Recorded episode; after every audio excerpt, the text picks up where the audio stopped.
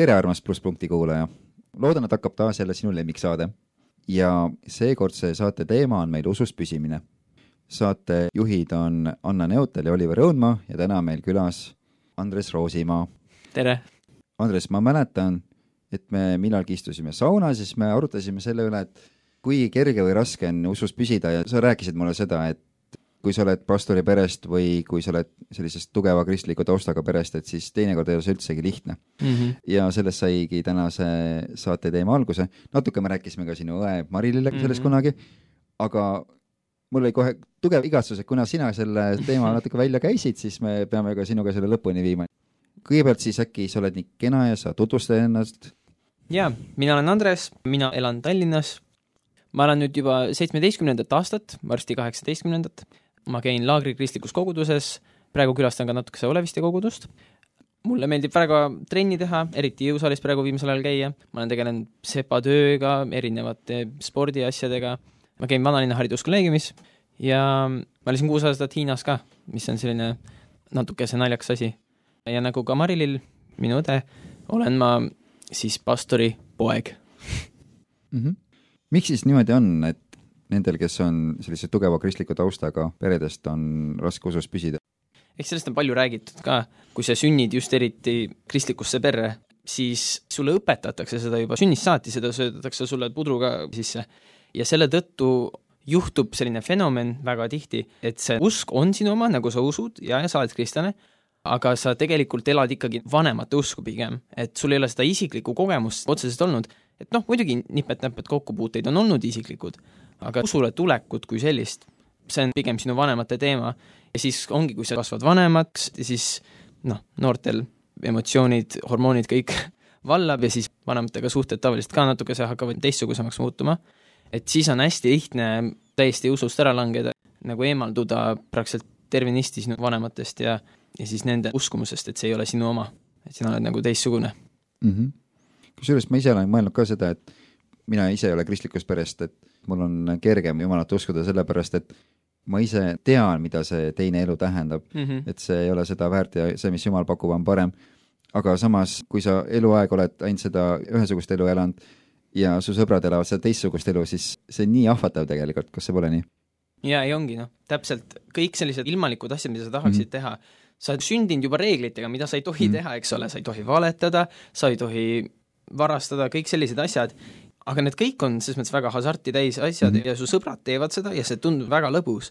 ja noh, kui sa hakkad vanemaks saades rohkem hoolima sellest, mida su sõbrad arvavad, noh siis inglise keeles see peer pressure või siis nagu noorte surve, ja siis sa tahad väga just seda ilmalikku elu maitsta natukese mm, -hmm. see on nagu see keelatud vili.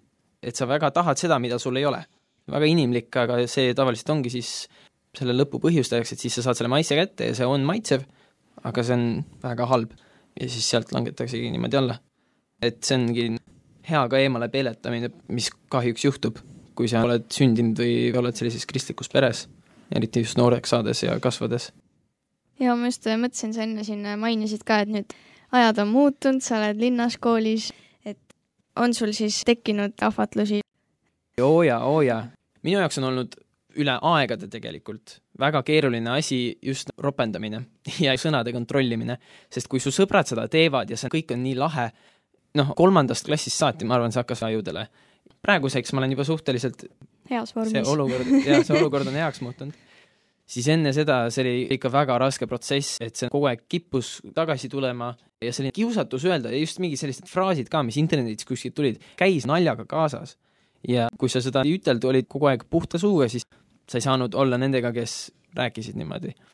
ja seal ma langesin päris korralikult ja siis mitmeid aastaid oli niimoodi, et koolis olles oli mul üks suu ja siis suvel toimus Belleli laager, piibli lugemise laager, siis ma käisin seal, siis see oli põhiline teema, mille pärast ma lasin palvetada ja siis sain sellise nii-öelda kristliku aku täis laetud ja siis läksin jälle kooli ja siis kõik uuesti ja siis see on selline mhm. korduv tsükkel olnud minu jaoks väga pikka aega.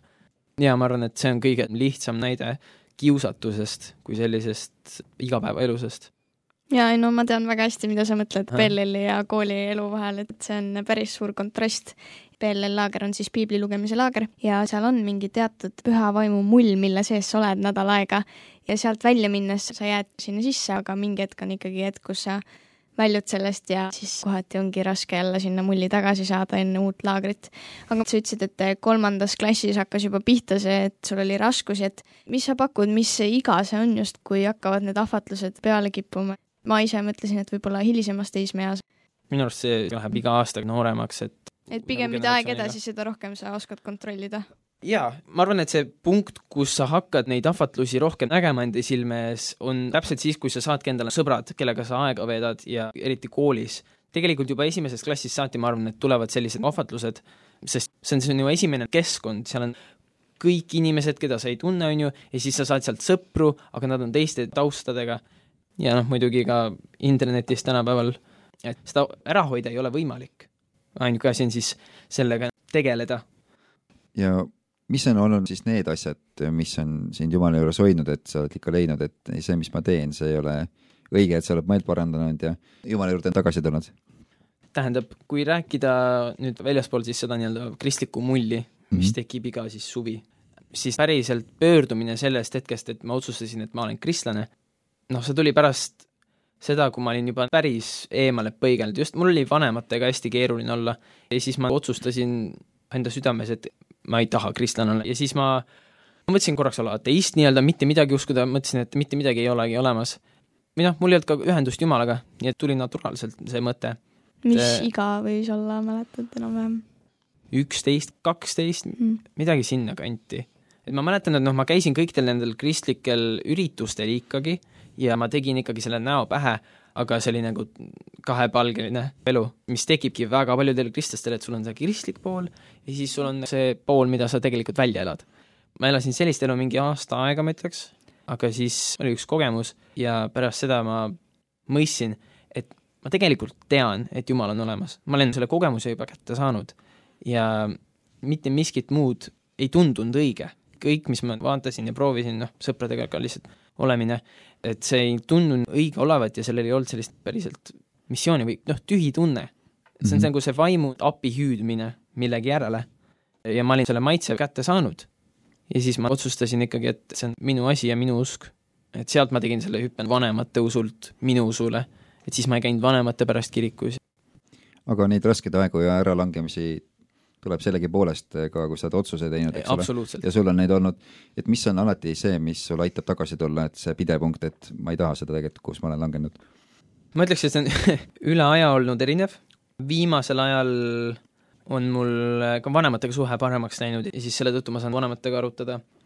aga ma mõtleks, et nagu see üks asi, mis põhimõtteliselt iga kord ikkagi tagasi toob sellistelt just mõtteviisi asjadelt, on ju, on lihtsalt see, et minu jaoks on see, mina tean, et Jumal on olemas, ma olen selles kindel, see on sama hea, kui mina tean, et mul on ema, on ju. ma mhm. tean, et selline isik on olemas mm. -hmm. nii et kui Jumal on olemas, siis ma olen kristlane, sest see on see, mida ma tahan järgida. kõik need lood on tõed, ma tean, mis on tõde enda jaoks. et ma tean, et see on see õige päästetee. nii et ma tahan seda järgida. ma ei tahaks teadlikult valesid otsuseid teha. kas sa teadlikult astuksid lõkkesse, kui sa tead, et see teeb sulle haiget? ei noh, samamoodi ma tean, mis on õige ja ma tahan ikkagi tegelikult seda. ja nüüd on aeg minna esimese muusikapala juurde mm. -hmm. et äh, Andres, mis sa meile valmis panid? minu siis selline kristlik muusika, mis teeb mind hästi rõõmsaks, on Oh Happy Day. kas sul on ka eelistusi, et kes seda esitama peaks? ei ole, ei ole otseselt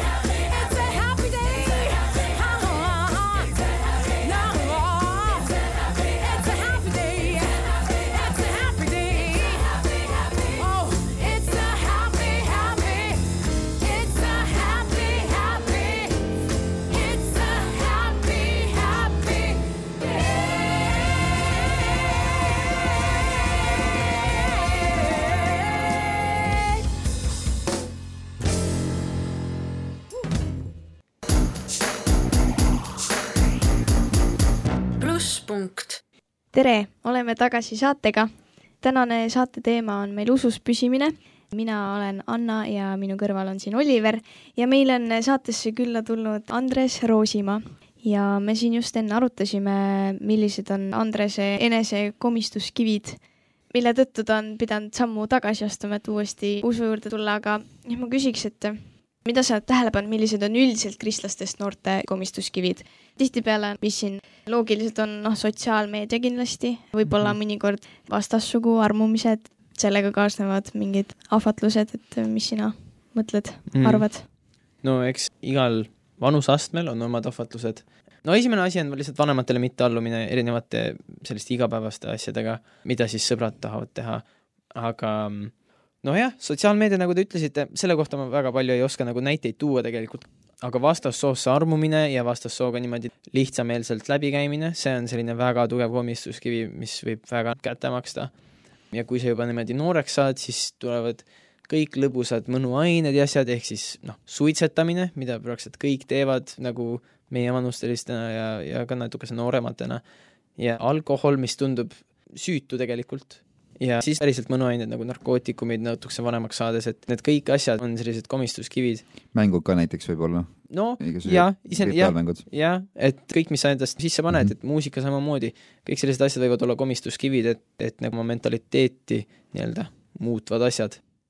muusika on väga hea point minu mm -hmm. arust, see on ka üks väga kaval lõks, kuhu sattuda mõnikord. mina ütleks, et sa ei pääse tegelikult meie maailmas absoluutselt mittekristlikust muusikast teooria on see, et kas siis kristlased peaksid ainult ülistusmuusikat kuulama. mina ütleks, et muusikal pole vahet, mida sa kuulad, tähtis on just see sõnum, mis seal sees on ja selle tagamõte. et kui lüürika on halb, siis ilmselgelt see ei ole hea. aga samas, kui on muusika, kus ei ole sõnu üldse, aga selle nimi on näiteks mingi Satan's blood või midagi sellist, siis no ilmselgelt see ka ei ole see päris, mida sa tahad endasse sisse toita. et kõikidel sellistel asjadel on oma mõju võib ka kuulata nii-öelda neutraalset muusikat, et näiteks klassika, on ju, kui otseselt sellel sõnu pole, kui selle sõnum on neutraalne või kristlik, siis see sobib ju. tegelikult on olemas igas muusikažanris kristlik versioon sellest.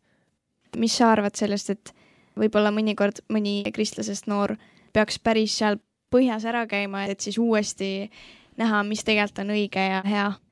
ma nõustuks sellega isiklikult vaadates minu jaoks on isegi nagu natuke see imelik mõelda seda, et keegi käib lihtsalt mingit moodi ja siis lihtsalt nullist saab niimoodi kristlaseks ja pühendabki oma elu Jumalale, et sul peab olema see nagu patu äratundmine ja siis selle kahetsemine. minu arust see toimibki kõige sügavamalt siis, kui sa käidki kõige sügaval sopa sees ära mm. -hmm. et siis, kui sa kõige põhjas, siis sa kuidagi lendad jälle täiesti takke minu arust. nojah, ma mõtlengi seda, et võib-olla päris sügaval on liialdus mõne kristlasest noore puhul, et võib-olla lihtsalt see nagu ilmalik põhi. maailm. jah, nojah no, no, igalühel igal, igal inimesel on nagu oma põhi, kus nad mingi osa peab lihtsalt ära hetkest, nägema. mis hetkest neil on mm -hmm. nagu mhm. kõik. kõik, jah. et, et igal inimesel on see erinevalt näiteks pidutsemine ka, mis on väga suur mhm. komistuskivi, et sa käid lihtsalt pidudel, oled kristlane, aga noh, seal on ka kõik needsamad kiusatused. üks inimene näiteks valetab vanematele, käib pidudel ja siis see lõpuks hakkab stressi tekitama ja see on tema põhi, siis ta tunneb, et ta on nii pattu teinud, see on tema patutunnetuskoht ja siis ta annab oma elu Jumalale selle tõttu ja siis sellest ajast saati see on tema elu. mõnel teisel võib see olla ka niimoodi, et ta pidutseb, ta paneb narkotsi kõrvalt, suitsetab, kõik sellist asja teeb, kõike, mis keelatud on.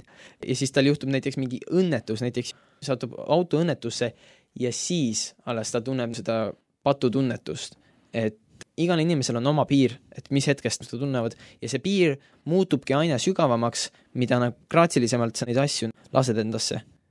on sul ehk jagada ka mõni lugu, kuidas sa usus püsimisega maadelnud oled ja kuidas äh, sa lõpuks ikkagi Jumala juurde tagasi tulid? minu jaoks kümnenda klassi algus oli hästi keeruline tegelikult, mis on alles aasta aega tagasi minu koolis vähemalt ei olnud üheksandas, kaheksandas klassis väga sellised nagu kiusatust nagu suitsetamine, joomine, kõik sellised asjad, et see tuli täpselt niimoodi gümnaasiumisse minekuga. ja need tulid ja üks asi, mis veel tuli, mis oli väga populaarne, oli siis kanep. ja sellega oli mul probleeme just kümnenda klassi sügise lõpust kuni talve lõpuni. et seda ma tegin niimoodi ikka omajagu võib ka mõelda, et see on lühike periood. Jumal tänatud, et see oli lühike periood, aga ma väga südamega suitsetasin seda kanepit, ütleme nii. et see oli tegelikult tagasi vaadates väga karm aeg, ma mäletan kogu mu mentaliteet ja kõik see, mis ma tegin, see oli väga teistsugune. ma ei mäleta täpselt, mis juhtus, aga ma arvan, et see oli ka paari teise inimese, kes olid ka kristlased, aga ka natukese nagu ära langenud, aga ikkagi meil oli see kristlik side olemas. et nad andsid ka mõista, et see ei ole tegelikult absoluutselt puhtalt tervislik, aga ka okei okay et see muudab sind ja ma kuulsin ühte jutlust ka, kus räägiti just sellest, kuidas kanep mõnuainena, sellel on konkreetselt satanistlik vaimulik side. et kui sa seda teed, siis automaatselt lööd niimoodi ühendused saatanaga. ma tundsin selle ära ja ma tundsin hirmu selles konkreetselt. ja ma siis paari oma sellise toetusinimesega, kes mul siis olid, ma läksin ja lasin nendel minu eest palvetada ja kuidagi jumala imega lihtsalt see lakkaski ja ma lihtsalt ei teinud enam seda. et ma olen väga selline inimene, kellel on lembelisus tekkida mingi harjumus või kui ma mingit asja hakkan tegema, et siis ma jäängi seda tegema pikalt ja laialt.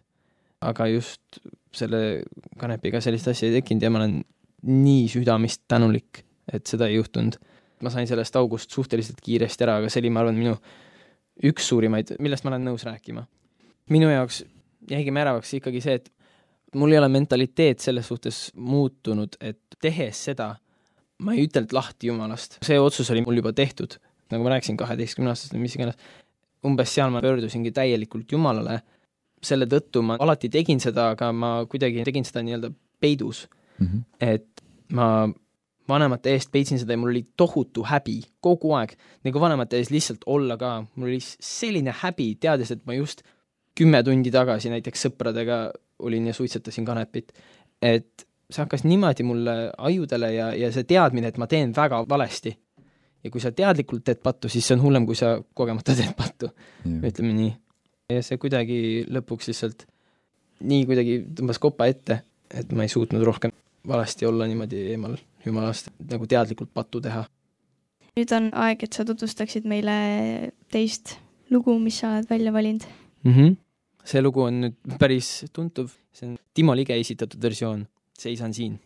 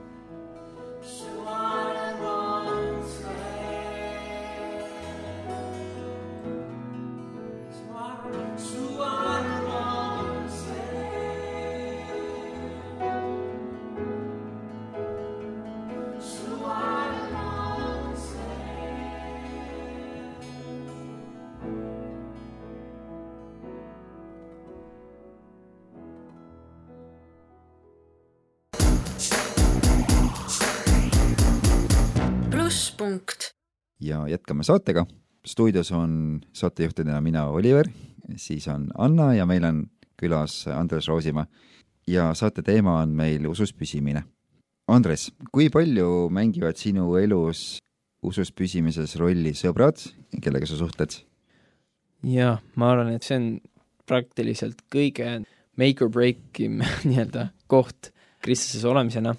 Ma olen suhteliselt sotsiaalne inimene, nii et mul on päris palju sõpru ja ausalt öeldes päris paljud neist on ka mittekristlased. mis ma ütlen ausalt, see on ohtlik. mina olen kuidagi ka seda pidanud siis kannatama jällegi see sõprade surve, aga needsamad sõbrad on kuidagi mul jäänud praegu, et mul on sellised tugevad mittekristlased sõbrad, aga siis on ka paar inimest, mis ongi minu arust kõige tähtsam, et sul on vähemalt paar sellist sõpra või justkui mentorit, nagu natukese sinust vanemad, kristlased, kellega sa saad ka niimoodi lihtsalt olla, hängida ja rääkida, et see on, ma arvan, kõige tähtsam koht, see tugipunkt, kus sa saad arutada ja, ja siis noh, see usaldus, ma arvan, et see on väga tähtis, et sul oleks vähemalt mõned sellised kristlased sõbrad, kellega sa päriselt räägid ja arutad neid asju ja kes hoiavad ka sinu hinge mingis mõttes. mm. -hmm. piiblis Luuka viiendas peatükis salmides kakskümmend seitse kuni kolmkümmend kaks on kirjas nii. pärast seda läks Jeesus välja ja nägi tölnerit nimega Leevi tollihoone juures istuvat ja ütles talle, järgne mulle ja Leevi tõusis, jättis kõik maha ja järgnes Jeesusele. ja Leevi tegi Jeesusele oma kodus suure pidusöögi ja suur hulk tölnereid ja muid istus nendega koos lauda. ent variserid ja nende kirjatundjad nurisesid tema jüngrite vastu. miks te sööte ja joote koos tölnerite ja patustega? ja Jeesus vastas neile, ei vaja arsti terved, vaid haiged. ma ei ole tulnud kutsuma õigeid, vaid patuseid meeleparandusele. kristlastest noortele ühtepidi õpetatakse seda, et selleks, et puhas püsida, et jumala juures püsida, siis vali oma sõpru mm. -hmm. aga teisest küljest Jeesus istus patustega ühes lauas ja ka tema lähimad sõbrad, jüngrid polnud mingid puhtad poisid ja tüdrukud tegelikult mm. -hmm. ta ju tuligi patuste päästmise jaoks. et kuidas siis sellega on, kui palju ja mis juhul tuleks nii-öelda halvast seltskonnast eemale hoida ja mis juhul hoopis nendega suhelda, nende jaoks olemas olla? sellest saaks väga palju rääkida, aga lühidalt kokkuvõttes see kõik oleneb sinu enda usu tugevusest. kui elad Jumalaga koos elu ja sul on see isiklik suhe ja see on sinu jaoks kindel fakt, et sa oled kristlane ja, ja Kristus on see, keda sa tahad järgida, siis ma arvan, et sõprade keskel olemine on hea asi, täpselt nagu Jeesus oli, siis sa saad olla see kristlane seal keskel, kes saab olla inspiratsiooniks ja vajadusel ka siis abiks. et see ongi viis, kuidas tegelikult jüngerdamine toimub. kristluse levitamine ongi läbi oma sõprade et sina saad olla nendele valguseks. aga noh, ohtlik ongi siis, kui sa ise ei ole veel täiesti välja kujunenud ja kui sul ei ole seda usupõhja veel olemas, siis on ohtlik olla mittekristlikes seltskondades ülemäära, sest siis see võib hakata sind mõjutama. sellest lihtsalt olenebki, et kas sina mõjutad või sind saab mõjutada. ja eks seda piiri lõpuks saab teada alles pärastpoole, et mis hetkest see piir tuli, aga sul peab tugev usupõhi olema ja sa pead olema Kristusega koos mm, -hmm. et rahulikult ja ohutult seal olla. kui palju sa ise muidu üldse mõtled selle peale, palju sa mõjutad oma mittekristlastest sõpru või palju sa võiksid mõjutada või peaksid mõjutama neid? seda ei saa otseselt ka niimoodi vaadata. kui sa oled kristlane mittekristlikus seltskonnas, siis see on hästi pikaajaline protsess, sa ei tea, kas seal läheb midagi toime või mitte. Ainult Jumal teab seda. et kõik, mis sina saad olla, ongi olla see kristlane, olla sul toeks. sest sinu juurde, kristlasena eriti, pöördutakse väga paljude muredega miskipärast on ka naljakas, et väga palju suhteprobleemidega, kui inimestel on probleemid oma tüdrukute või poistega, et siis nad tulevad just ka kristlase juurde rääkima, kui sa oled hea sõber ka. aga olla toeks seal, see on see, mida sa tegelikult teed, ollagi nende sõber ja olla toeks. ja alles pärast seda ma näen, et inimesed hakkavad ka siis päriselt huvi tundma, et miks sa siis seda usud. ja mitte kiuslikult, sest mõned hakkavad kiuslikult kohe otse küsima, et miks ja see on mõttetu. aga siis mõned kui sa nendega piisavalt lähedaseks muutud ja tähtis on jällegi see, et see säraks sinust välja, et sa ei ole samasugune patuoinas, sest siis ei ole midagi, mida imetleda. aga kui sa oled jumalaga nii, siis tegelikult see paistab sinust välja ja siis sa särad. ja siis inimesed tulevad sinu juurde ja küsivad rohkem ja on huvitatud. ja siis, kui sa neile räägid, siis see võib neid kõnetada. see ei ole siis enam sinu teha, see on kõik Jumala teha. see ongi tegelikult minu jaoks kõige kurvem asi, ma ei tea, kas ma olen siis kontrolli hull aga see, et ma ei saa kontrollida, vaata, mina ei saa muuta inimest ja, ja seda ma ütlen ka alati neile, et, et ma tahaks nii väga muuta lihtsalt ta kristlaseks või kuidagi moosida ta ära, aga see ei ole võimalik, sellega sa võid lihtsalt ta eemale pelletada. et sina lihtsalt räägid ausalt ja nii, kuidas Jumal kõnetab ja loodad, et Jumal teeb ülejäänud töö tema südames just see oligi see, mida ma järgmiseks tahtsin rääkida, et võib-olla suures kambas koos need mittekristlased äh, sõbrad võivad isegi noh, kurja nalja teha mm -hmm. kristlasest sõbra aadressil, aga samas, kui neil on mingid mured ja kui nad üksi on, siis võib-olla nad ikka hiilivad selle kristlase sõbra juurde ja räägivad, et tead, mul on selline mure mm, -hmm. sest see, et sa oled teistsugune, sa elad teistmoodi elu ja sa saad kuidagi nendest raskustest paremini toime, see paistab välja mm. ja siis nad üritavad sinu käest seda nii-öelda nõu saada, et kuidas see üldse toimib. Ja tegelikult, kui sa ise nii tugev veel ei ole, võib-olla ongi mõtet siis mittekristlasest sõpradega suhelda niimoodi ühekaupa, et sa ei ole kusagil kambas sest üks-ühele on veits kindlam. jah, aga noh, see on paratamatu, sa ikkagi satud kampa ja kambaga on nagu täiesti teine seltskond ja siis on ka lõbusam. muidugi jaa, sellistest suurtematest kambaüritustest on tark eemale hoida seda on naljakas öelda, sest sellest on nii raske eemale hoida, sest sa isegi ei tea, mis hetkest see tuleb. Ja nendel mõttetutel pidudel käimistest ja kõik sellistest asjadest, sünnipäevapeod, noh, sellest on arusaadav iseenesest, aga täiesti mõttetud joomingupeod, mida noh, meie noorteslängis nüüd kutsutakse pindadeks.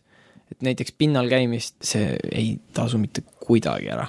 et siis tuleb lihtsalt julmalt pöörata selga ära joosta, et põgeneda sellest kiusatusest.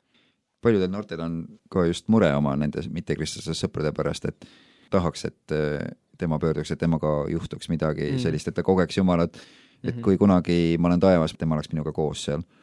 et mis nõu sa neile annad? ise ennast kasvatada, see on, ma arvan, tegelikult kõige tähtsam, et sa säraksid ja siis, kui sul on tunne, et sa tõesti tahad kedagi teist aidata, kui sul on tõsiselt mure, siis kutsu teda kohtadesse, kutsu teda üritustele näiteks, mina ütleks, et kõige lihtsam samm, mida sa saad mittekristlasega teha, on kutsuda ta mingitele spetsiifilistele festivalidele näiteks või üritustele, mingid sellised lühiajalised asjad, kus on omajagu ka seda lihtsalt fun'i, kus sa ei pea olema kristlane, sest mul on nagu ka sõpru, keda ma tahaks tutvustada sellesse, aga väga vähe on selliseid üritusi, kus täiesti mittekristlasena sa võid ka mugavalt ennast tunda sest kohe, kui see on suunaga kristluse poole, siis inimesed tunnevad ennast väga imelikult. aga mingid sellised üritused ikkagi on, näiteks PP, kui sa inimese sinna saad kutsuda, siis see tasub ennast ära ja see on väga hea koht, kus siis inimene võib päriselt aimu saada, et milline see kristlase elu tegelikult on peale pingi soojendamise. selliseid üritusi on veel, lihtsalt sellised missiooni tööga üritusi tuleb otsida ja neil siis silm lahti hoida sellistes asjades, et kutsuda nad sinna ja siis olla neile lihtsalt toeks. palvetada nende eest ja paluda, et nende eest palvetada olla seal, aidata, esitada neile lihtsalt see, mis see on Kristus. aga peale suruda ei ole mõtet, mm. ega see ei toimi. no ma arvan, kui sa oma sõbra kutsud kuskile sellisele üritusele ja ta on juba nõus tulema, siis see on päris suur võit ja eks sealt midagi ta ikka saab, ma arvan, ta päris tühjade kätega ära ei lähe ka. ei, absoluutselt. aga ütleme nii, et su sõber tuleb, ja päriselt ärkab temas midagi ja ta võtab isegi otsuse vastu mm, -hmm. aga mingi hetk ta kukub jälle ära, et mida siis teha või kuidas selles olukorras käituda. ütleme nii, kui sul on endal sarnane olukord, et sa ise oled ära kukkunud, võtta endalt mingeid nippe või mingeid mm -hmm. olukordi, et aidata teda omakorda.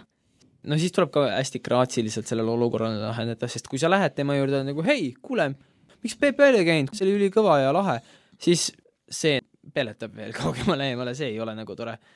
Jällegi, ole nendega sõber, lihtsalt hängigi nendega, et tekita seda usaldust, see võib kõlada nagu ilge strateegia, et nagu tõmbata lähemale, oled temaga sõber, oled hea ja siis tõmbata näps niimoodi lõksu, aga ei, lihtsalt tõesti kasvatada seda usaldust ja siis vaikselt suunatagi, jälle kutsuda teda kaasa mingitele sellistele kohtadele või pakkuda välja, et lähme sinna. see on kõik, mis sa teha saad, ülejäänud on kõik jällegi Jumala käes minu arust mm.. aga see usaldus on hästi tähtis, et sul see oleks tegelikult ka enne lihtsalt esimest kutsumist, aga just nagu eriti teisel. ja nüüd on meil aeg kuulata kolmandat laulu. Andres mm., mis sa meile lased? see on nüüd natukese naljakam lugu, et see mõjutas mind, aga siis ma hiljem sain teada, et tegelikult see on populaarse artisti Kanye lugu. et Kanye üks selline, ma ei tea, kas siis tema koor on Sunday Service Choir ja nendel on Ultralight Beam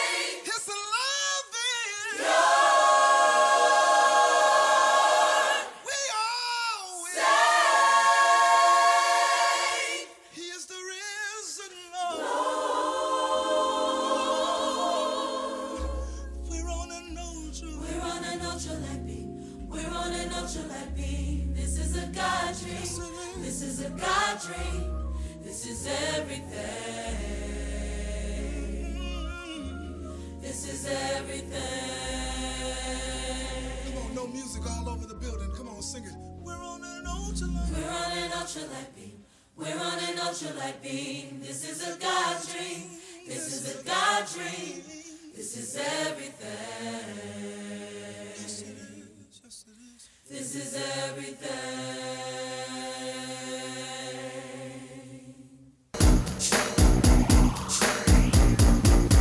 plusspunkt. hei, hei, armas kuulaja, oleme taas plusspunktiga jutulainel ja stuudios on täna siis saatejuhtidena Anna, teise saatejuhina Oliver ja meil on külas Andres Roosimaa. ja saate teema on meil usus püsimine. Andres, alati on inimestega niimoodi, et kui sul on mingi edu elamus, siis see annab indu, et kas ka usus püsimisega on nii, et kui jumal on teinud näiteks mõne sinule kalli sõbra elu paremaks või sinu enda elust midagi muutnud, millega sa maadlesid, kui palju see annab indu selles usus püsimises? ma arvan, et sellised väikesed äh, meeldetuletused, et see Jumal, kes elab, on päriselt elav ja ta on sinuga, ma arvan, et see annab juurde. mul oli endale sellega probleeme ka hästi palju, et nagu just seda noh, on vaja pidevat tunnustust jälle.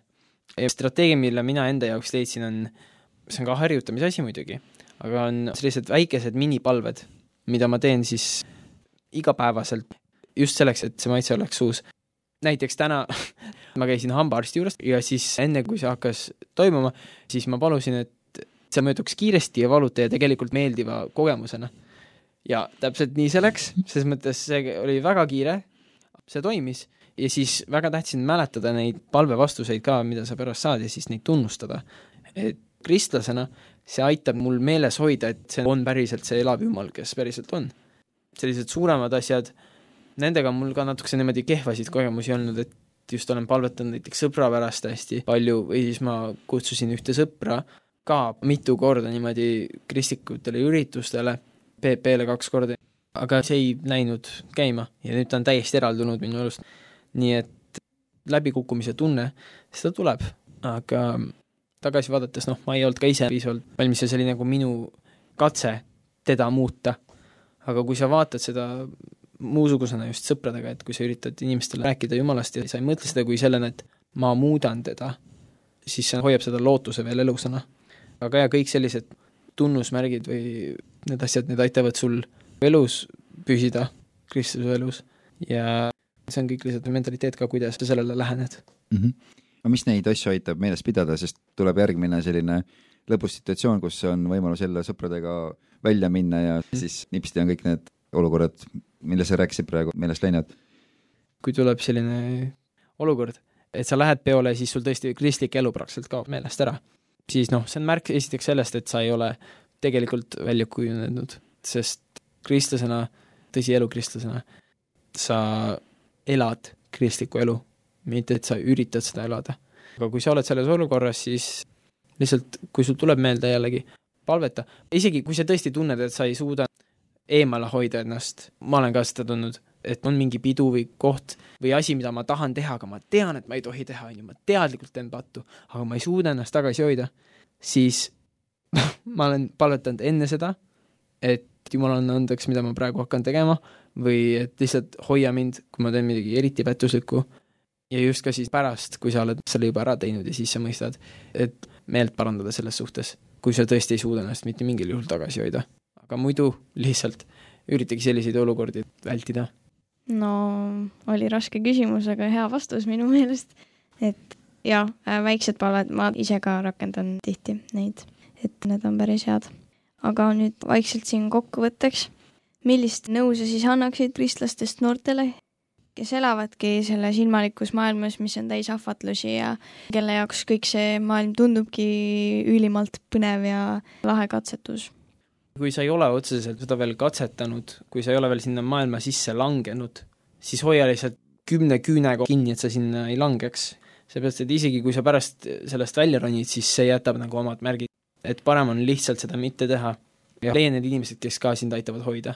kui sa oled juba muidugi sellesse langenud, siis samamoodi otsi inimesed, kellega sa saad rääkida, kes on ka kristlased, kellele sa saad usaldada ennast täielikult, sa võid rääkida mis iganes probleemidest, mis sul on, või olukordadest või kohtadest, kus sa oled käinud, ilma et sa tunneks ennast süüdimõistetuna. mis iganes sa ka ei teeks, lihtsalt hoia jumalast kinni. et isegi, kui sa teed valesid valikuid, siis ära lase lahti sellest mõttest, et Kristus on õige tee, sest see peab sul olema alati südames minu arust.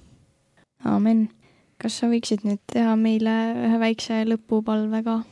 jah, kallis Jumal, ma tänan, et, et sa oled igatühte meid siia saatnud niimoodi ja et üles kasvades meil tulevad need kiusatused, aitäh, et sa oled need loonud meie jaoks, et meil oleks ka tegelikult huvitav elu.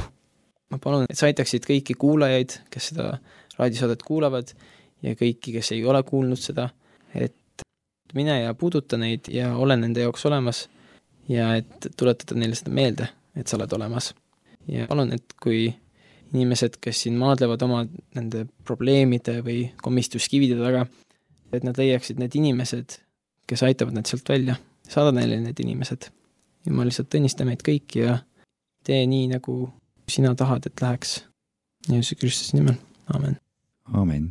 aitäh sulle, kallis kuulaja, et tulid selle aja meiega. aitäh sulle, Andres, et sa tulid. ma igatsesin sind nii kaua siia saatesse ja ma võin öelda, et see tasus ennast ära see ootamine. ja ma loodan, et kuulaja arvab sama. ja meil on jäänud ainult viimane lugu mm. -hmm. see on nüüd tegelikult lugu, mis mul niimoodi kaheteistkümnendast eluaastast umbes isa lasi niimoodi CD-plaadina autos ja see on äh, Juhan Ungru Suurem veel.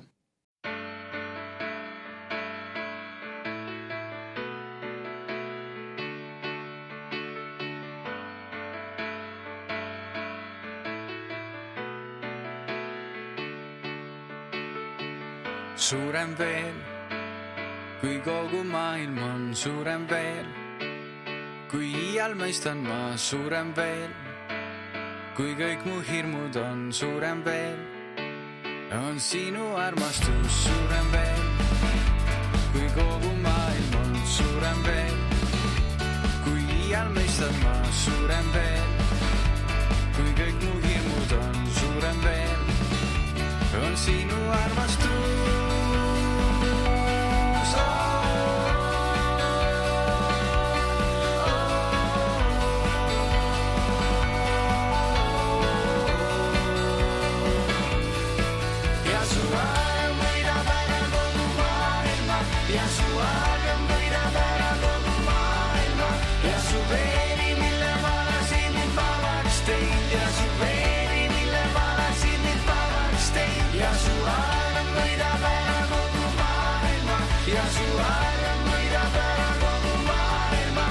Su veeri, mille valasid mind vabaks teinud ja su veeri, mille valasid mind vabaks teinud suurem veel, kui kogu maailm on suurem veel, kui iial mõistan ma suurem veel, kui kõik mu hirmud on suurem veel, on sinu armastus suurem veel, kui kogu maailm on suurem veel, kui iial mõistan ma suurem veel,